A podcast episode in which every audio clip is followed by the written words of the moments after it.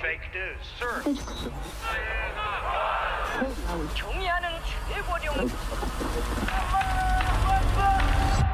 on kolmapäev, kahekümne neljas august ja Delfi stuudios on Ukraina iseseisvuspäeva tähistamas Eesti Ekspressi ajakirjanik Indrek Lepik. tere päevast! ja läbi Skype'i ka Eesti Päevalehe ajakirjanik Krister Paris. tere, tere! Mina olen Kaarel Kressa ja juttu tuleb muidugi kuus kuud kestnud Ukraina sõjast. sissejuhatuseks aga kuulame ära telefoniintervjuu Delfi kaasautori Igor Taroga, kelle sõjaülevaated ilmselt laiemat tutvustamist ei vaja tere, Igor! Te olete nii tänavu kui ka juba mitu varasemat aastat sõja kulgu päris detailselt jälginud ja kajastanud. Kuhu faasi me praegusel hetkel jõudnud oleme, kaua see võiks kesta ja mis võiks juhtuda järgmiseks? no me oleme jõudnud faasi, mida ennustati tegelikkuses Ukraina poolt ette ja seda faasi võiks nimetada strateegiliseks ummikuks. et äh, kumbki osapool ei suuda hetkel ette võtta sellist pealetungitegevust, see rinne on seal äh, stabiilne, et äh, venelastel ei ole võimekust äh, ette võtta selliseid rünnakuid, mis suudaksid neile tuua noh, kaasa märkimisväärseid territoriaalseid tulemusi, et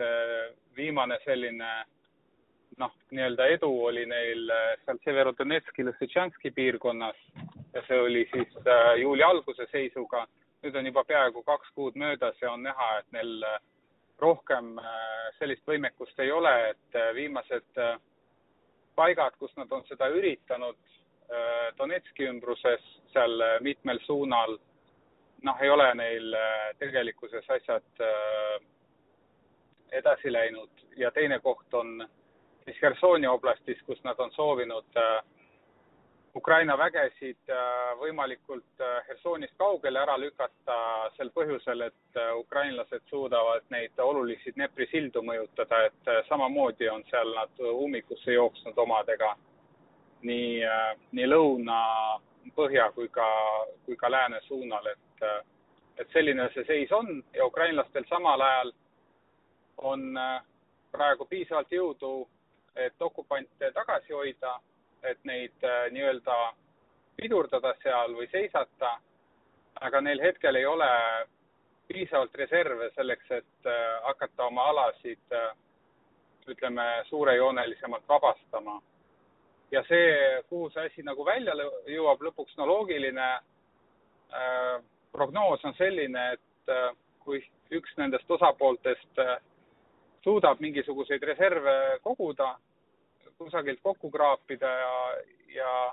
neid reserve, ütleme, teatud rindelõikudele äh, välja panna, siis on võimalik, et see strateegiline ummik äh, nii-öelda noh, murdub ja, ja saavutatakse mingisugune läbimurre teatud lõigus. aga nüüd on äh, ütleme, Venemaa-poolne raskus seisneb põhiliselt selles, et neil on küll hästi palju vanarauda ja igasugust äh, vanaaegset moona ladudes, aga neil ei ole inimesi, kuna nad ei kuuluta välja üldmobilisatsiooni, siis nad kraabivad neid, neid üksikuid orke seal mööda,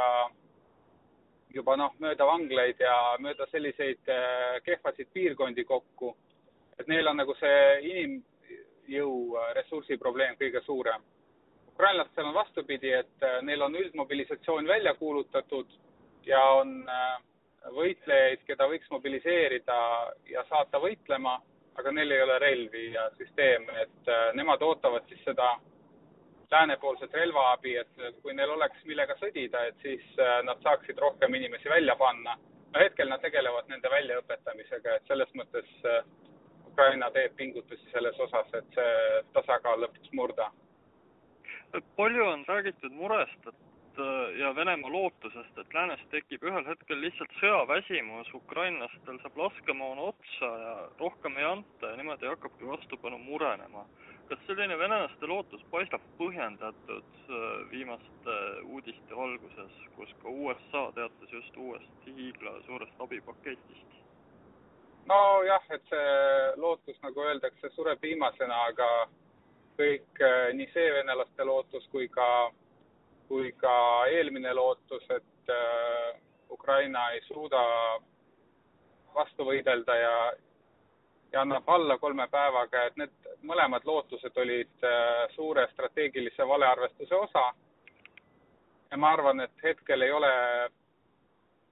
otseselt põhjust karta, et et läänes see sõjaväsimus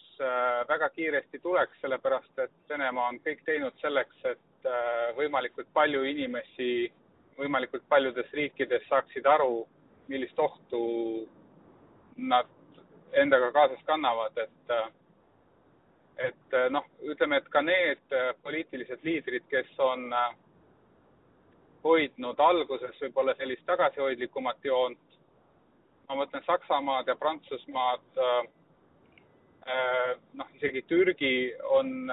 lõpuks praegu hakanud ikkagi väga selgeid sõnumeid, vähemalt retoorikas nad ütlevad ikkagi väga selgeid sõnumeid välja.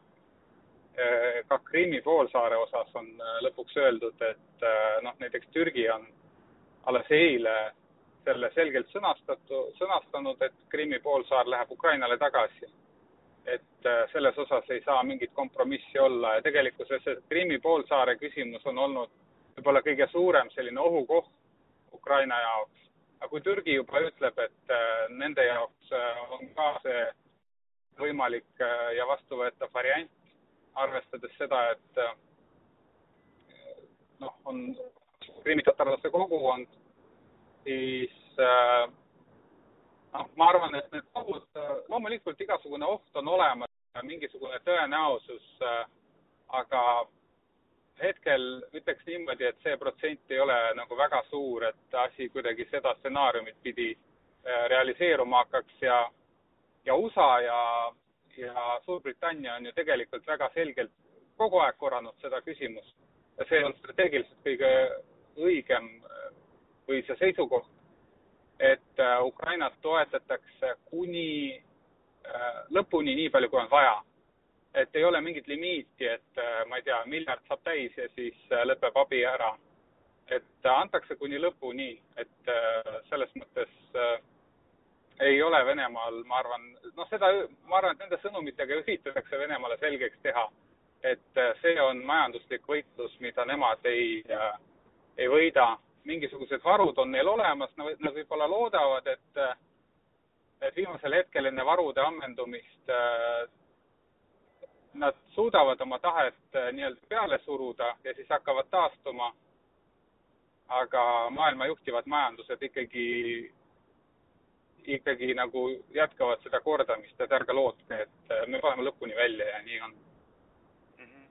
kui vaadata taktikalist ja strateegilist tasandit, siis mida võiksid Eesti-sugused riigid õppida sellest tänavu toimuvast? Arvan, et strateegilisel tasandil kõige suurem õppetund on see, et rahuajal tuleb valmistuda, et tuleb riigikaitset tõsiselt võtta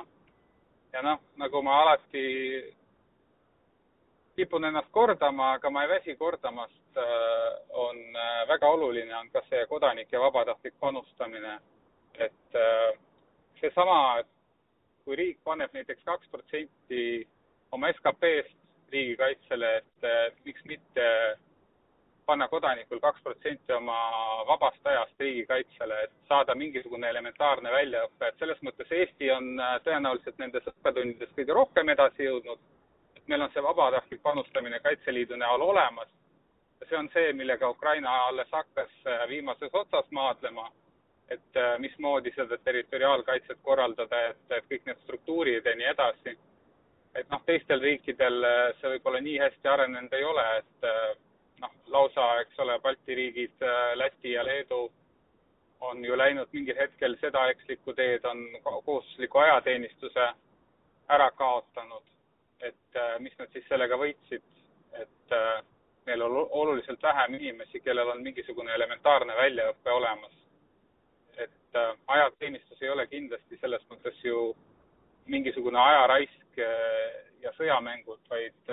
see on väga selge süstemaatiline väljaõpe inimestel, mida läheb vaja nii sõja ajal kui ka rahu ajal. aga tulles tagasi Ekspress Meedia ajakirjanike juurde, vigadest õpitakse teatavasti kõige rohkem.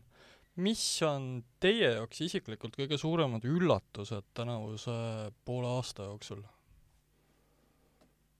Indrek eks lääne jaoks laiemalt on ju kindlasti üllatus olnud see, et Ukraina on vastu pidanud ja mitte üksnes vastu pidanud, vaid tänaseks hetkeks ikkagi sisuliselt asunud vastu rünnakule, et äh, laias laastus me saame ikkagi öelda, et äh, kui me nüüd kuue kuu peale üldistame, siis suur üllatus on see, et äh, Vene armee ei ole võitlusvõimeline või vähemasti selliselt võitlusvõimeline, et ta suudaks ühe naaberriigi allutada, et mulle meenuvad need äh, lood, mida ma kirjutasin siin nädalaid ja kuid enne, enne sõda ja tegelikult äh, me otsisime ju pidevalt neid märke, et, et mis on, mis on äh, need eeldused, mille, mille abil siis äh, või mille, mille kaudu me saame öelda, et Venemaa valmistub sõjaks ja, ja seal ühe eeldusena oli riigikassasse suurte varude kogumine, teise eeldusena, eks ole, mõistagi vägede koondamine piiri taha ja tegelikult selle kaudu paistis justkui, et venelased on selleks sõjaks valmis aga lõppkokkuvõttes me ikkagi praegu näeme, et nad ei ole selleks valmis ja võib-olla tagantjärele see ei tohikski nii suur üllatus olla, kui me vaatame, milline see Vene asjaajamine on ja milline ta oli Nõukogude ajal ja milline ta on, on olnud ka viimased kolmkümmend aastat, aga aga ma arvan, et lõppkokkuvõttes me peame ütlema, et kõige suurem üllatus on ikkagi see, milline bardakk äh, Vene armees on. no tõepoolest, et kui me, jah, tõepoolest, et kui me vaatame kas või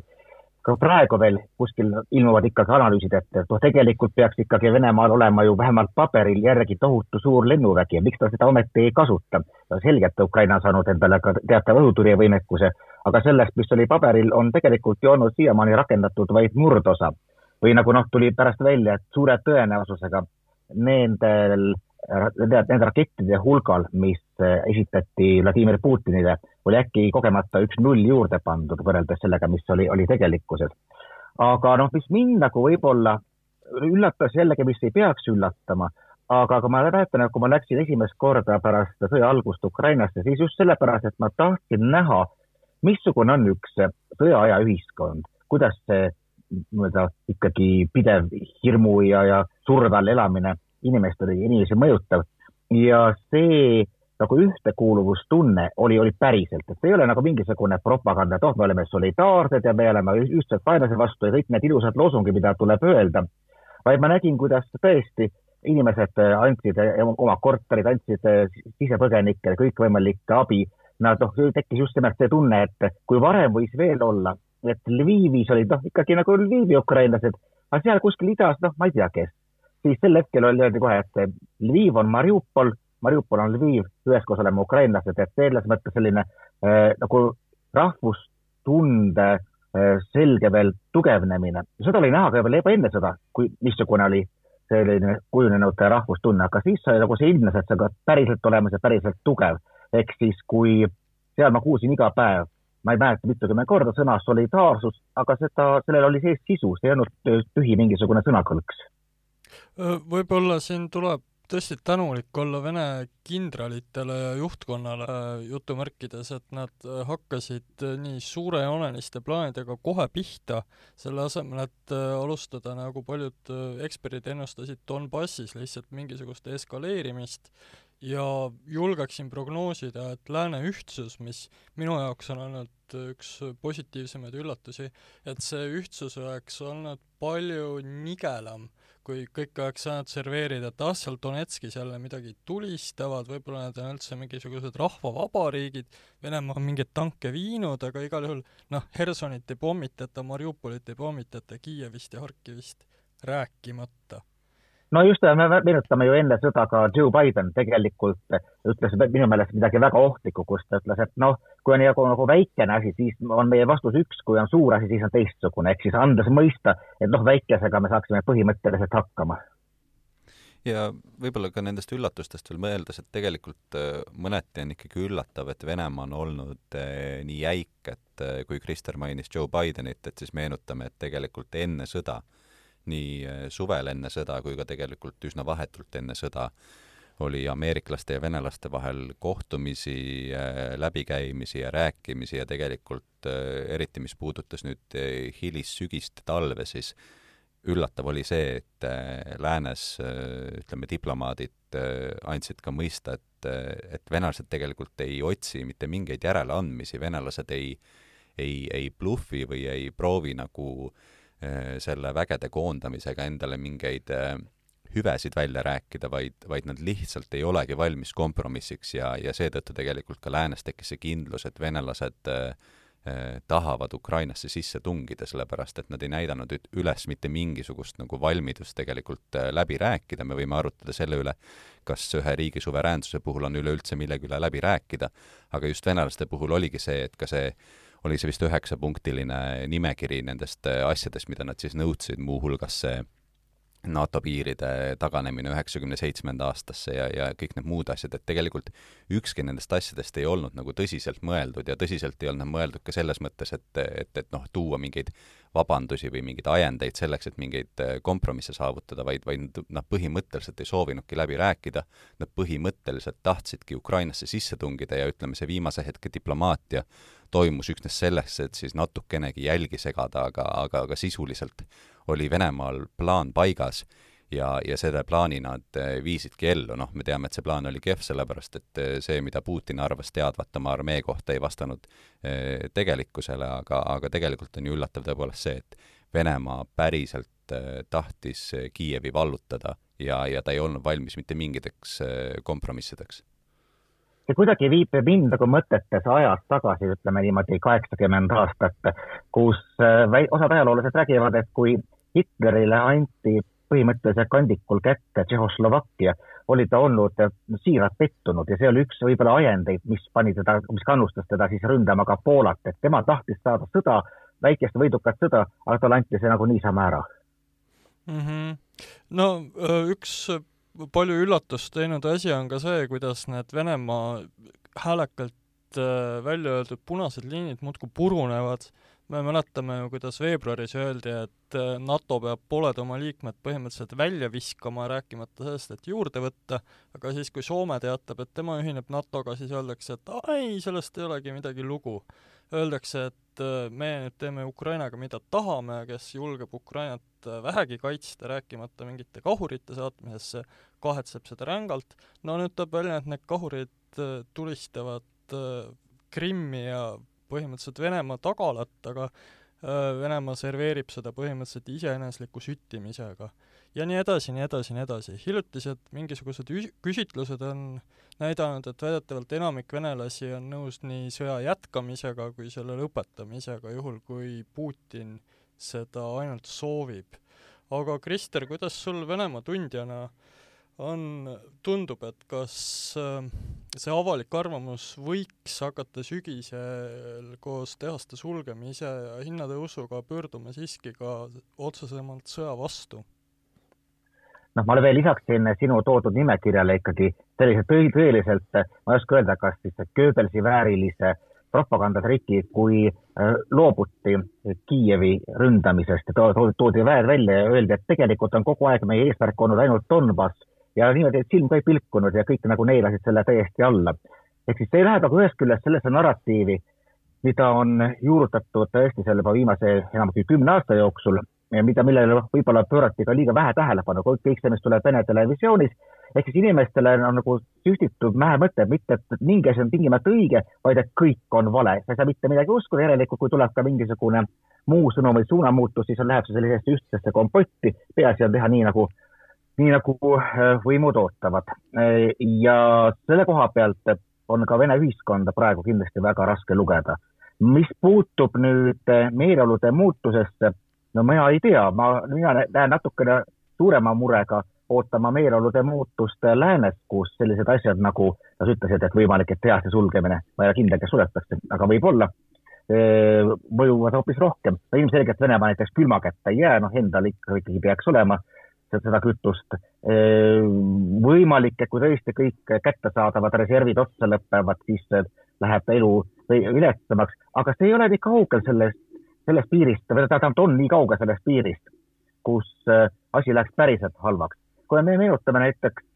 aastat tuhat üheksasada üheksakümmend kaks, kus päriselt olid inimesed tänavatel ja oli päriselt Venemaa lagunemine õhus, siis noh, kogu Venemaa Föderatsiooni eelarve oli sada seitsekümmend miljonit dollarit, üks dollar põhimõtteliselt inimese kohta. et see oli selline koht, kus võis öelda, et asi on väga, väga tõsine. praeguses mudelis mina näen seda vähemalt, et Putin oma peas mängib sellele, et lääs peab, et lääs ikkagi annab enne olla kui tema mm. -hmm. Indrek, mis sa arvad, kas see on põhjendatud ootus?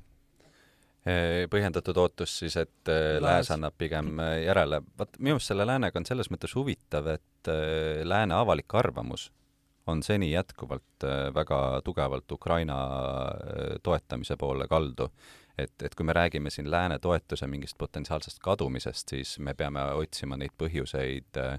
Saksamaa või Itaalia võimuladvikust, mitte rahva seast, sest et rahva tellimus tegelikult oma valitsusele on jätkuvalt see, et Ukrainat tuleb toetada, see on ka Saksamaal niimoodi. ma pistan korra vahele, näiteks Hispaanias käies Madridi NATO tippkohtumisel mind üllatas see, kui palju oli tänavapildis igasuguseid Ukrainat toetavaid reklaame, et anneta Ukraina põgenikele ja nii edasi, aga palun jätka. jah, et, et selles mõttes ei maksa alahinnata seda, et, et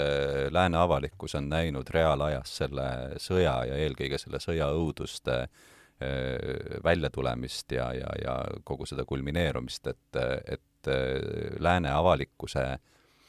mm, toetuse kadumisele ma pigem ei, või ma pigem ei kardaks seda ka olukorras, kus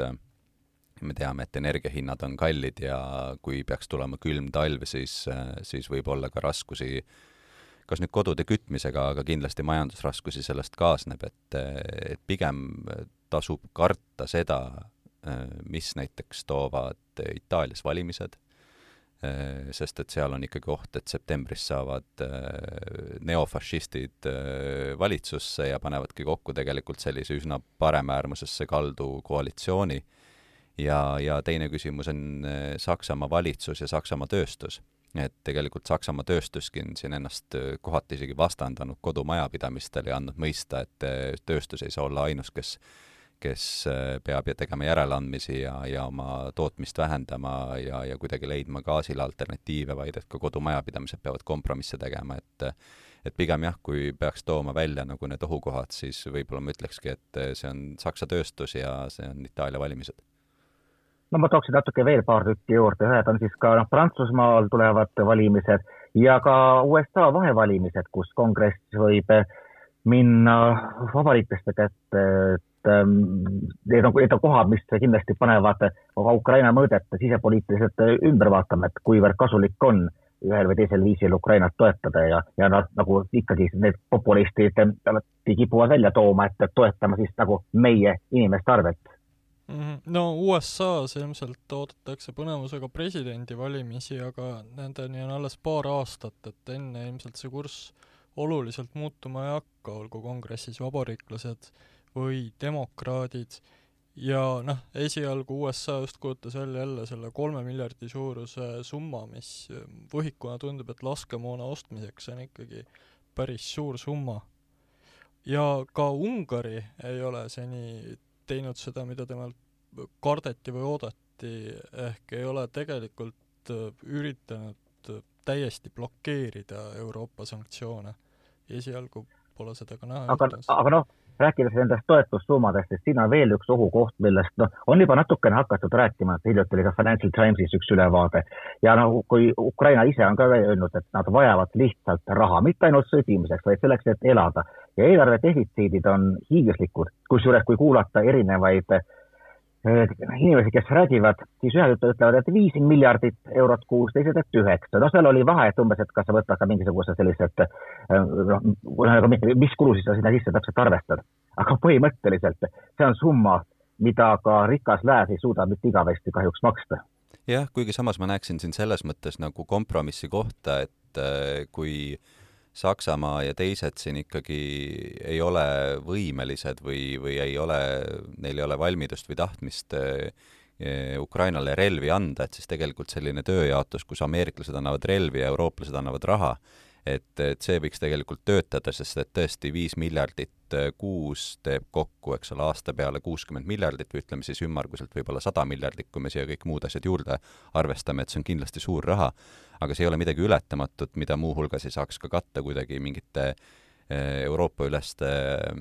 ütleme, laenamis- või, või võlainstrumentide kaudu, et, et tegelikult kui Euroopa näeb kollektiivselt, et tal ei ole võimekust Ukrainat sõjaliselt aidata, siis kindlasti selle eelarveaugu kinnitagumine võiks olla üks vahend jätkuvaks abiks kas te tahaks arutleda ka sel teemal, kuidas kogu toimuv on mõjutanud ülejäänud maailma suhteid lääneriikide ja Venemaaga? siin aspekte on muidugi lõputult, üks on see, kuidas Kesk-Aasia täiesti ilmselgelt triivib igal juhul Venemaast eemale ja tegelikult ka läänele lähemale, üks aspekt on see, kuidas Türgi mängib mingisugust topeltmängu, teine see, kuidas India, Aafrika ei taha absoluutselt lääne poolt valida aga mis teile on selles vallas silma jäänud? minule näiteks jäi silma Erdoğani üks viimaseid avaldusi, kus ta üsna ühemõtteliselt ütles, et tema toetab Ukrainat. ehk siis selline noh, nagu topeltmängus on ta, noh, ta on alati olnud seal, varem, varem ta nimetas Erdoğan Putinit oma sõbraks, et selles mõttes on ta natukene võib-olla keerulisemas positsioonis, aga ta on, minu meelest on ikkagi Türgi üsna ausalt oma, oma rolli välja kandnud ja noh, nagu üldiselt Türgi, kui ta midagi lubab, siis ta seda ka teeb. jah, tal on väga raske läbirääkimispartner, me ootame põnevusega, mis saab Rootsi ja Soome liitumislepingute ratifitseerimise ees, aga üldiselt ma, ma nagu Türgi puhul näen, et pigem on see ikkagi liitnud teda uuesti või tagasi toonud sellest NATO alliansi kesk, keskmise poole suures pildis nõus ja tegelikult ka Türgi kontekstis on see Kesk-Aasia tõesti ülioluline, sest et äh, me ei saa märkimata jätta ka ju seda, et Kesk-Aasia all hoidmine on olnud Venemaa üks eesmärke ja me tegelikult juba praegu näeme, kuidas näiteks Kasahstan äh, püüab oma energiaeksporti nüüd suunata näiteks Aserbaidžaani kaudu ja, ja üleüldiselt sealt altpoolt Kaukaasia kaudu, et Venemaast mööda minna, Kasahstani riigipea on olnud väga isegi üllatavalt ja julgelt äh, Putinile nagu vastu seisnud või kuidagi Kasahstani suveräänsust pidevalt rõhutanud. ja, ja tegelikult äh, see laieneb ka teistesse Kesk-Aasia vabariikidesse ja, ja noh, muidugi Hiina otsib endale seal radu aga, aga laiemas mõttes me näeme jah, tegelikult Venemaa sellise geopoliitilise haarde ikkagi noh, pigem nii-öelda tagasitõmbumist kui laienemist, et Lavrov tegi siin küll oma Aafrika turnee ja ja selle käigus püüdis siis äh, Aafrika riikidele selgeks teha, et äh, kõrged toiduhinnad ja ja kogu muu jama, mis on äh, viimasel poolel aastal ja noh, tegelikult ikkagi juba viimasel aastalgi kaasa tulnud, et, et selles on lääs süüdi, aga aga kui ka näiteks tuua seesama India või siis tõesti need Aafrika riigid, et siis ma arvan, et nemad on lihtsalt pragmaatikud, nad näevad praegu, noh, India on ju otseselt relvakaubanduses Venemaast sõltuv, eks ole, et India-Pakistani asi on ju omaette, omaette lugu, et, et tegelikult ma seda Venemaa nagu sellist üleüldist äh, globaalset haaret ei, ei tähtsustaks üle, et nad on suutnud küll mingil määral Aafrikas äh, narratiivi äh, kontrollida, aga ma arvan, et Euroopal on siin ka piisavalt hoobasid, olgu see kas või energiainvesteeringute kaudu, sest et noh, see on selline nii-öelda vorst vorsti vastu, et tegelikult Aafrika vajab investeeringuid ja Euroopa vajab energiat. Et, et pigem ma arvan, üks, üks, üks jah, selliseid asju on tegelikult Venemaa ülemaailmse mõju vähenemine. Ja, ja ma eriti veel tooks esile just nimelt Kasahstani, et Venemaal mingitel, mingites ringkondades veel enne Ukraina invasiooni jätkus piisavalt jultumust, et saata välja üsna ühemõttelisi signaale, et, et ega tegelikult Kasahstani põhjaosad on ju ka iidne Vene ala ja minu meelest nende signaalide saatmine on jätkunud ka, ka pärast Ukraina sõja algust. ilmselgelt otsib riik kuskilt mujalt kaitset siis mm. -hmm. ja Kasahstanis nüüd pannakse ka päris palju pokri selliseid vene šovinistlikke vaadete väljendajaid. Jah, siin oli ka üks äh, sotsiaalmeedia video sellest, kuidas üks mees otsustas endale autole Z-tähe kleepida ja sai ikkagi väga tulise, äh, tulise reaktsiooni osaliseks linnapildis, nii et jah, et kui ma ei eksi, oli see Kasahstanis. jaa, see on isegi veel huvitavam, sest see ei olnud nagu sihitud kasahhide pihta otseselt mm. -hmm ja lõpetuseks võib veel ära mainida ka, et ega see Hiinagi suhtumine on olnud üsna pragmaatiline, et need lootused, et Hiina hakkab nüüd metsikult saatma abi- ja sõjatehnikat Venemaale, kuuluvad samasse valdkonda, et kohe hakkab miljon põhjakorealast seal Donbassi kaevikutes sõda pidama. ei noh, muidugi, et noh, Hiina positsioon on ootuspäraselt tegelikult äraootav, et kui mõelda, kes on sellest konfliktist, kui see kunagi lõpeb, tõenäolised võitjad siis noh, Hiina on pigem üks nendest, et kui kuniks vastased üksteist kurnavad, siis Hiina saab seal kõrval vaikselt õimitseda ja oodata, kuni siis kas just laibad, aga siis väga vigastatud kehad mööda ujuvad jah, ja hoolimata sellest, mis komparteis praegu toimub, et eh, Xi Jinping on selgelt nagu Mao teed, mitte Dengi teed läinud, et eh, sellest hoolimata tegelikult Hiina on sellist pragmaatilist joont hoidnud ja ja ka see väga kesine abi Venemaale lähtub otseselt sellest, et nad ei soovi lääne sanktsioonide režiimiga kuidagi vastuollu minna, nii et et selles mõttes see lääne nii-öelda finantslihas jätkuvalt, jätkuvalt toidab ka selliseid geopoliitilisi eesmärke aga tänan äh, Kristel Parist, Indrek Lepikut ja Igor Tarot äh, arutamast. kõige rohkem täname Ukraina rahvast. mina olen Kaarel Kressa ja soovime teile nägemiseni ja kuulmiseni. Slava Ukraini! You are fake news, sir. 경의하는 최고령